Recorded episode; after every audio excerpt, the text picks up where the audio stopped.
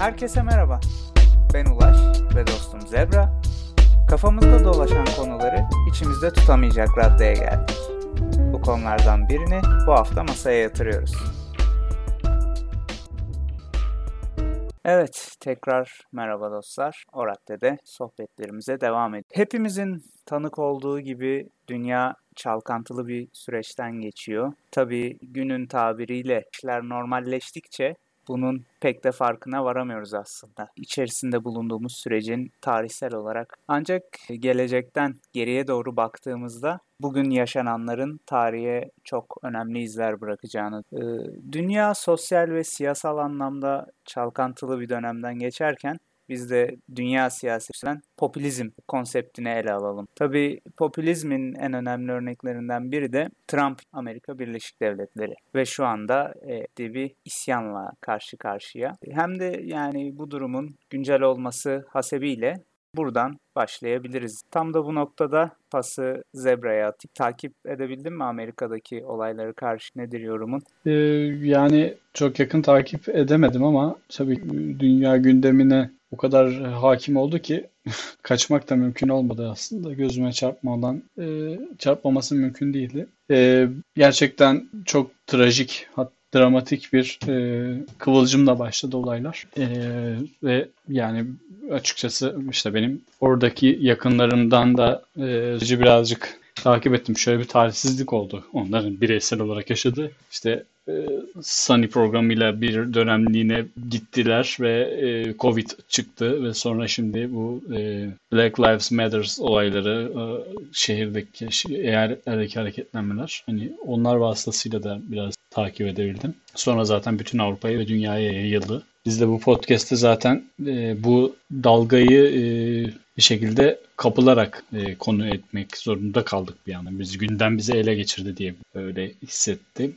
E, o yüzden şöyle bir hatırlatmayla belki başlayabiliriz. Bu e, Black Lives Matter veya işte I Can't Breathe ile başlayıp aslında bu çalkantıları doğasına biraz değiniriz diye düşünüyorum. Evet yani aslında bir ayrımcılık da ayrımcılığa uğrayan siyahların isyanı gibi görülebilir. Ama e, birden çok konu sorun bileşkesi aslında. Hem renk ayrımcılığı, bunun yanında ekonomik durum, işte Covid'in yarattığı kriz, sosyal kriz, ekonomik kriz derinleştirdiği Böyle aslında karmaşık var. Bu Amerika'daki hadiseden bahsedersek ayrımcılık bağlamında, ırkçılık e, bağlamında Amerika Birleşik Devletleri e, sistematik bir ırkçılığın olmadığını iddia ediyor. Fakat bir takım verilere baktığımız zaman bunun doğrudan kabul edilmemesi gereken bir açıklama oldu. Ee, örneğin Covid sürecinde benim dikkatim e, ölen siyah Amerikalıların oranı daha fazla, daha fazla etkilenmiş Covid'den. Bununla ilgili Guardian gazetesinde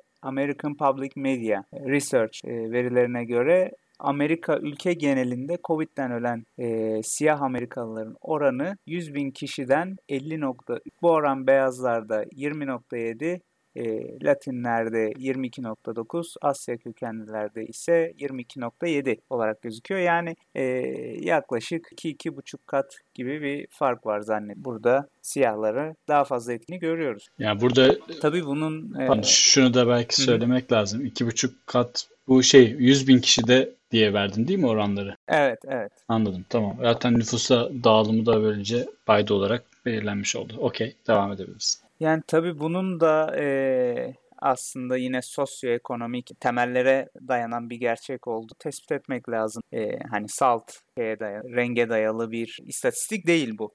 Örnek olarak yani Covid sürecinde de sıkça kullanılmaya başlanan asler dediğimiz iş kollarında e, güvence yıllarda siyahların daha çok ve yani kendilerini bu salgından sakınacak olanaklarının daha zayıf olduğu durum ortaya çıkıyor. İstatistiklere baktığımız zaman. Bu konuda Current Population Survey'in verileri var. Burada asli yani e, essential job diye geçen bu işlerde siyahların %37.si çalışıyor, beyazların %26.9'u yine bu işlerde çalışıyor. Tabi durum böyle olunca aslında bu biraz daha sosyoekonomik gerekçelere dayanıyor gözüküyor. Ee, burada tabii şunu da hatırlatabiliriz. O vahşi polis işkencesiyle ölen George Floyd da e, yine Covid sürecinde işsiz kalmış birisi. Yani aslında birden fazla sorunun işe geçtiği bir durum var burada. Tabii buna e, yönetimin yanıtı da e, Trump yönet kışkırtıcı bir tavırla yaklaşı görünüyor takip edebildiğim kadarıyla. Yani bir ara işte İncil'le poz falan da verdi. O da yansıdı oldukça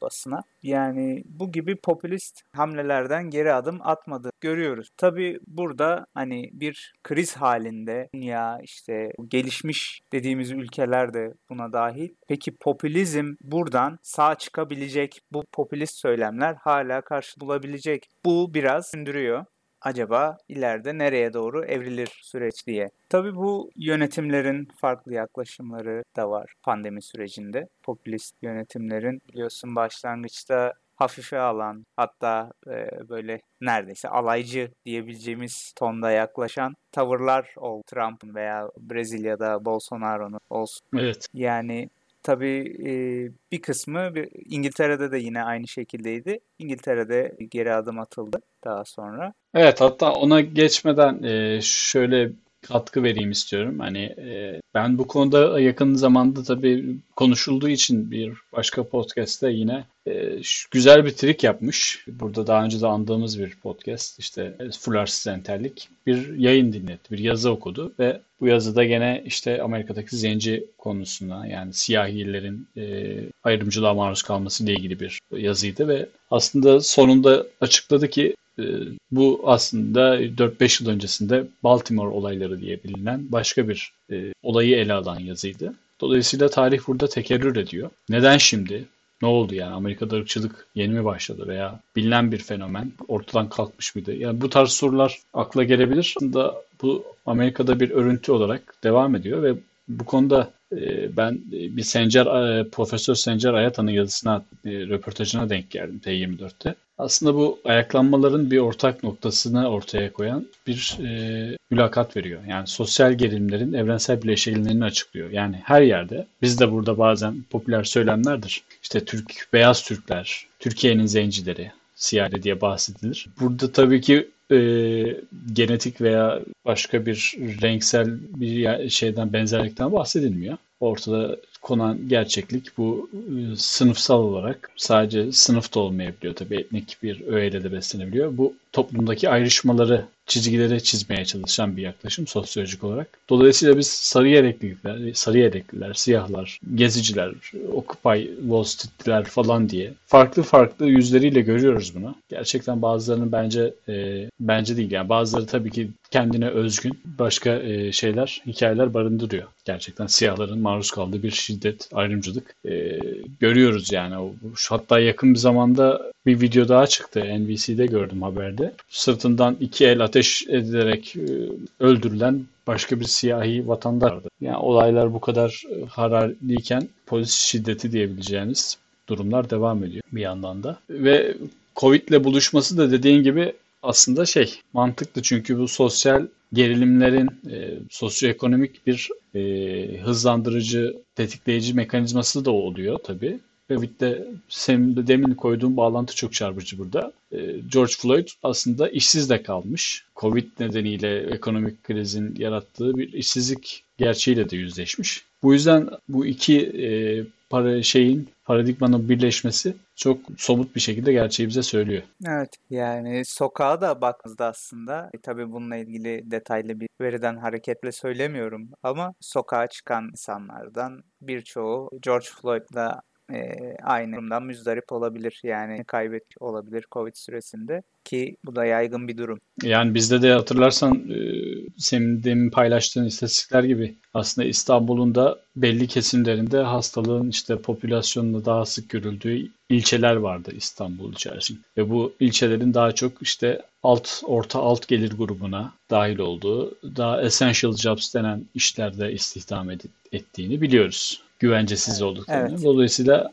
evrensel bir konu. Dolayısıyla bir de işte Covid ve ülkelerin verdiği sınavla da doğrudan ilgili. Amerika çok kötü bir sınav veriyor. Gerçekten bir süper güç algısıyla hiç buluşturamayacağımız bir kriz yönetimi, yöneteme işi e, söz konusu. Ki bu adamlar yani risk yönetimi falan kitabını yazan böyle konularda böyle ya 100 yıl sonrasını planlıyor falan dediğimiz bir e, güçten bahsediyoruz. Komplo teorisyenleri de bir offside'a düşmüştür herhalde. Belki de onu işte teorisyenler atfediyor Kudret 100 yıl sonra falan. Tabii aslında asıl hikaye Covid'de işte vay sahilde dınız birbirinize içli dışlı kucak kucağa falandan ziyade aslında yayılımı daha çok işte bu güvencesiz altlarda e, seyrettiğini gözlemleyebiliyoruz verileri. Tabii e, farklı dillerde yansıyor, yansıtılıyor. O ayrı bir konu ama dediğin çok doğru açıdan. Ve yani sadece Amir falan da bizde de bir açısından da çok farklı değil. Evet yani burada e, pandeminin popülist iktidarlar açısından da biraz ne getirir ne götürür o, ona da e, bir değinmek isterim. Yani pandemi bir taraftan e, kriz durumu içerirken diğer taraftan bir sat yaratması e, olasılığı da barındırıyor. O, bu yönünü de e, es geçmemek lazım. Hatta bazı örnekleri de var. Ona da değiniriz. Burada popülizmin sahip olduğu o elit karşı söylem pandemi süresinde bilim karşılığı, bilim otoritelerine karşı olmak gibi bir hal aldı. Bununla karşı karşıya kaldı. Ve işte az önce de bahs gibi onları e, bilim otoritelerini yalanlayan, diye almayan, kale almayan liderler gördük. Ya şey vardı ya, e, dezenfektana damarlarımızı enjekte edebilir miyiz diye. Trump'ın harika önerisi. Sorular vardı yani. Evet. Trump'ın o kloro, yani klorin ilacı da çokça mitinglerde savunduğu böyle fecaat şeyler. Evet. Bilimi kendisine bir e, payanda yapmaya çalışan iktidarlar oldu. Sonra tabii ki bilimin daha böyle aklı selim olduğu için aynı frekansta gidemediler, yürüyemediler o yolu tabii. Evet. Tabii yani bu tavırın bir faturası oldu ülkelere ve e, şu an Amerika ve aynı şekilde Brezilya'da çok ciddi bir sıkıntıyla karşı karşıya. Covid nedeniyle ve hani Güney Amerika zaten şu an salgının sü e, ve bunun da en yüksek olduğu yer Güney Amerika'da Brezilya olması lazım. Brezilya şu an dünyada üçüncü falan da evet. Yani bu tavır bir fatura getirdi. Bu da bir tepki de oluşturdu aslında. Bolsonaro'ya falan Brezilya'da e, bazı tepkilerin olduğunu gördüm ben. Yine e, aynı şekilde Amerika'da benzer durumda. Mesela CNN'in geçen hafta açıkladığı bir ankete göre Trump'ın desteği Biden %51 iken Trump şu an %41 olarak desteği CNN'in anketine göre. Yani bir Covid nedeniyle sarsılmışa benziyor. Tabii bilemiyoruz o sürece kadar neler olacak. Şu anda da durum pek iç açıcı gözükmüyor. Diğer taraftan Macaristan örneği var. Covid'in otoriterleşme yönünde araçsallaşması e, örneği olabilir. Macaristan'da yönetim pandemiyi e, bahane ederek yetkilerini genişletti ve buna benzer işte Filipinler'de e, o hal ilan ediyor. Yine Brezilya'da e, Bolsonaro yüksek mahkeme gibi bazı kurumların kapatılması çağrısıyla protestolar düzenliyor ve hatta antidemokratik nitelikteki bir protestoda açık bir biçimde darbe tehdidinde bunu gördüm Bolsonaro'nun. Ee, Bolsonaro o zaman şey değil yani askeri emeklisi olduğunu biliyorum ama. emekli olmamış gibi gözüküyor. Çok üniformayı çıkartmamış.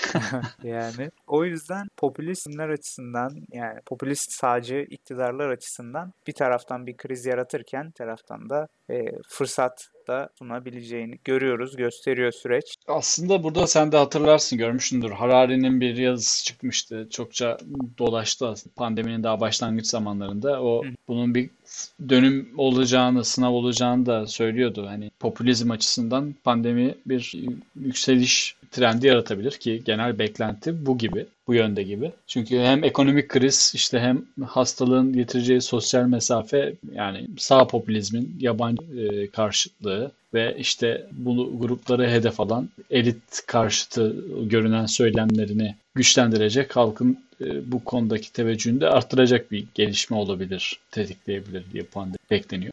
Ya ama ülkeler gerçekten böyle çok e, demin andığımız gibi o de, şey dezenfektanı aşı şey damara enjekte edelim tarzı gibi ilginç çıkışlar oldu yani. Bunlara aklıma gelen birkaç tane var. Evet. Yani hatta e, bu noktada şöyle bir şey de yapabiliriz. Daha önceden de konuşmuştuk. Bu Covid süresinde yapılan işlerle ilgili bir soru cevap bölümü de yapabiliriz. Ne dersin? Aa, iyi olur. Bende iki tane sağlam soru var. Senin bende de birkaç tane var. 3-5 ee, tane bende de var. Bir Başlayalım o zaman. Başlayalım. Şimdi ilk soruyla başlayayım o zaman ben. Şöyle mi yapıyoruz? Sen nasıl suyu okuyacaksın herhalde? Ben, bir liderin e, için okuyacaksın. Ben de tahmin etmeye çalışacağım. Açıklamayı okuyayım sen de e, tahmin etmeye çalış. Tamam. Adım adım Mesih ama cüzeler yaratamam. Bu evet başka bir şeyin kafası. Buna denk gelmedim. Bunu duymamıştım ama Var mı tahmin? Mesih diyor ya. Bu kim olabilir ki? Şey mi bu? Bir politik lider mi? Tabii tabii. Yani yönetici, devlet yöneticisi. Yönetici yönetici. Enteresan. Bu şey mi acaba? Hadi Bolsonaro diyeyim bari. Bolsonaro. Evet. E, Gerçekten ismi, mi? ismi ismi Mesih bu arada gerçekten. E, Jair e, nasıl okunuyor bilmiyorum ama Mesias Bolsonaro E, ve o Mesias Mesih anlamındaymış. İlgimi çekti. Vay be. İkincisi de şöyle sizlere her şeyin eski haline dönmeyi ve normal hayatımıza dönüp söyleyen işi olmayı gerçekten çok isterdim ama maalesef bu mümkün değil. Daha Bunun realist. için aklımda iki tane şey var. İki aday var ama daha güçlü olanı söyleyeyim. Angela Merkel olabilir mi? Doğrudur. Evet. 2'de 2 gidiyorsun. Oho. İkinci adayım da Macron'du bu arada. O da biraz itidalliydi. Evet. Bunu da eee, tahmin edebileceğini düşünüyorum. Göçmenlik işlemlerini askıya alıyor. Bu bir dakika. Bu bence şeydir ya. Trump'tır. Evet. Olabilir mi? Trump. Dur bir tane ben sorayım o zaman. Araya gireyim. Koronavirüs kapsam da hiç etkilenmezdim. En kötü bir grip veya hafif soğuk algınlığı şeklinde atlatırdım. Yani ben buna benzer bir açıklamayı hatırlıyorum. Sanırım Bolsonaro'ydu. Ee, evet. Bu da Bolsonaro. Popüler olmuş. Bolsonaro'dan bayağı malzeme Adam konuşmuş. Yani en azından bu pandemi döneminde insanlara bir yani gerçi vatandaş olmasan eğlenceli ülke aslında kalıbına Evet dışarıdan daha çok bizim için kullanıyoruz ama sende var mı başka? var. Bu savaşı kazandık. Çok pozitif değil mi? Wow, inanılmaz. Ne zaman söylemiş ya? Bugün falan mı söyledi acaba yani? Mayıs'ta falan. Bu savaşı kazandık Yak- kim demiş olabilir? Yakınlarda aslında evet. İki hafta söyledi sanıyorum. Ben de tam tarihini. Abi bu çok iddialı. Ee, bir dakika İtalya diyeceğim. İtalya'daki yöneticinin adını hatırlamıyorum. Yok İtalya değil. Değil mi? Tamam. Yeni Zelanda baş Arden. Bu savaşı kazandık. Anmışlar mı? Kazanmışlar. İyi, tebrik ederiz. Evet. Onu da araştırdım. Vay. Peşine düştüm yani. Kabul kabul etmedim. Boş yapmamışlar ama biraz. Boş yapmamış. Ben de bir tereddüt ettim. Ay, iyiymiş. Gerçi İtalya'daki de deseydi yani biraz e, çok kayıp verdiler tabii. O tatsız olurdu. Evet. O zaman ben bir soruyla karşılık vereyim. Bekliyorum. Bilemedim bu sefer. Hırslandım. Bu soruyu soruyorum. Bakalım.